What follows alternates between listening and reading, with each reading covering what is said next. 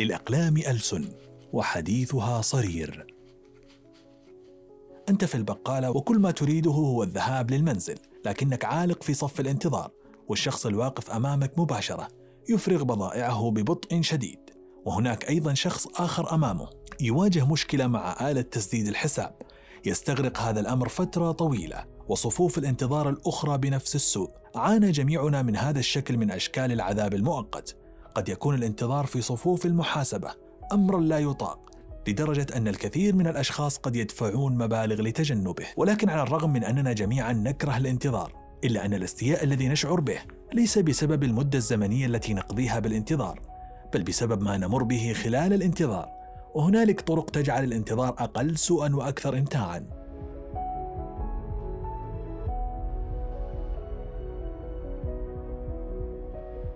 على سبيل المثال اكتشف علماء النفس وباحثو العمليات أنه في حال شعورك بالملل فإنك ستشعر بأنك تنتظر لمدة أطول من المدة التي تنتظر فيها بالفعل. وفي تجربة ما وضع أحد المصارف شريط أخبار في أسفل شاشاته لمحاولة كسب رضا العملاء.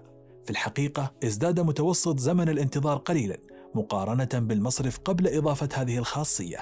ولكن لأن العملاء كانوا منشغلين بشريط الأخبار فلم يمانعوا الانتظار لمدة أطول. بل غادروا بابتهاج أكثر حتى ظن بعض العملاء بأن البنك قد وظف محاسبين أكثر مما سرع من إنجاز عملياتهم. قد تكون إلهاءات كهذه قوية لأنها تؤثر على مدى سرعة مرور الوقت برأينا.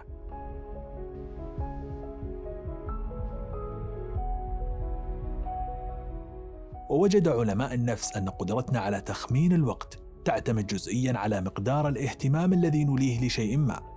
خلال مجموعة من التجارب أخبر العلماء بعض المتطوعين أنهم سيطلبون منهم تقدير الوقت. بعد ذلك أعطي هؤلاء المتطوعين مهمتا بحث بصريتان، واحدة سهلة والأخرى صعبة لمدة زمنية مختلفة. وفي النهاية خمن المتطوعون كم من الوقت استغرقوا لإنجاز كل من المهمتين، على الرغم من براعة المشاركين في تقدير المدة الزمنية التي استغرقوها لإنجاز المهمة السهلة، إلا أنهم أخفقوا في تقدير المدة الزمنية للمهمة الأخرى المعقدة. أدت تجارب كهذه لاقتراح علماء النفس أنه لدينا كمية محددة مما يسمى بالموارد الانتباهية. إن كان عقلك منشغل بشيء ما، فلن تجد فراغا يجعلك تراقب سير الوقت، لكن في حالة لم تكن مركز على أي شيء آخر، كما لو كنت واقفا في صف الانتظار في البقالة، فإن مواردك الانتباهية ستركز على مرور الوقت، وهذا ما يجعل الوقت يبدو وكأنه يسير ببطء شديد. وعلى الرغم من هذه الافتراضات إلا أن علماء الأعصاب جاهلون عما يفعله عقلك في الحقيقة. فمن الوارد أن جميع الأنسجة الدماغية تشترك في الإحساس بالوقت.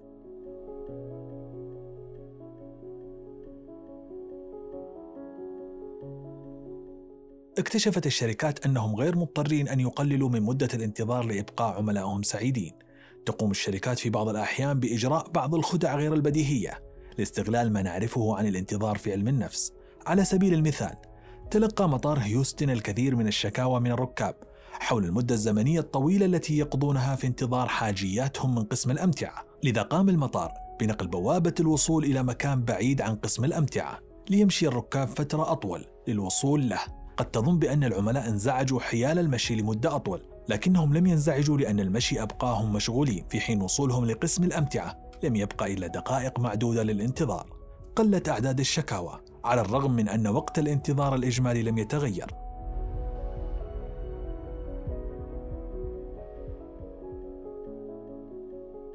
وبإمكان الانتظار أن يكون أقل سوءا إذا كنت أيضا على علم مسبق به. في عام 1999 قامت كلية إدارة الأعمال بتجربة عندما كانت سرعة الإنترنت بطيئة جدا ووجدوا أن الأفراد الذين أخبروا عن المدة الزمنية التي ستستغرقها صفحة الإنترنت للتحميل واجهوا تجربة إيجابية أكثر من أولئك الذين لم يعلموا عن هذه المدة الزمنية. تتلخص الفكرة هنا في الانتباه.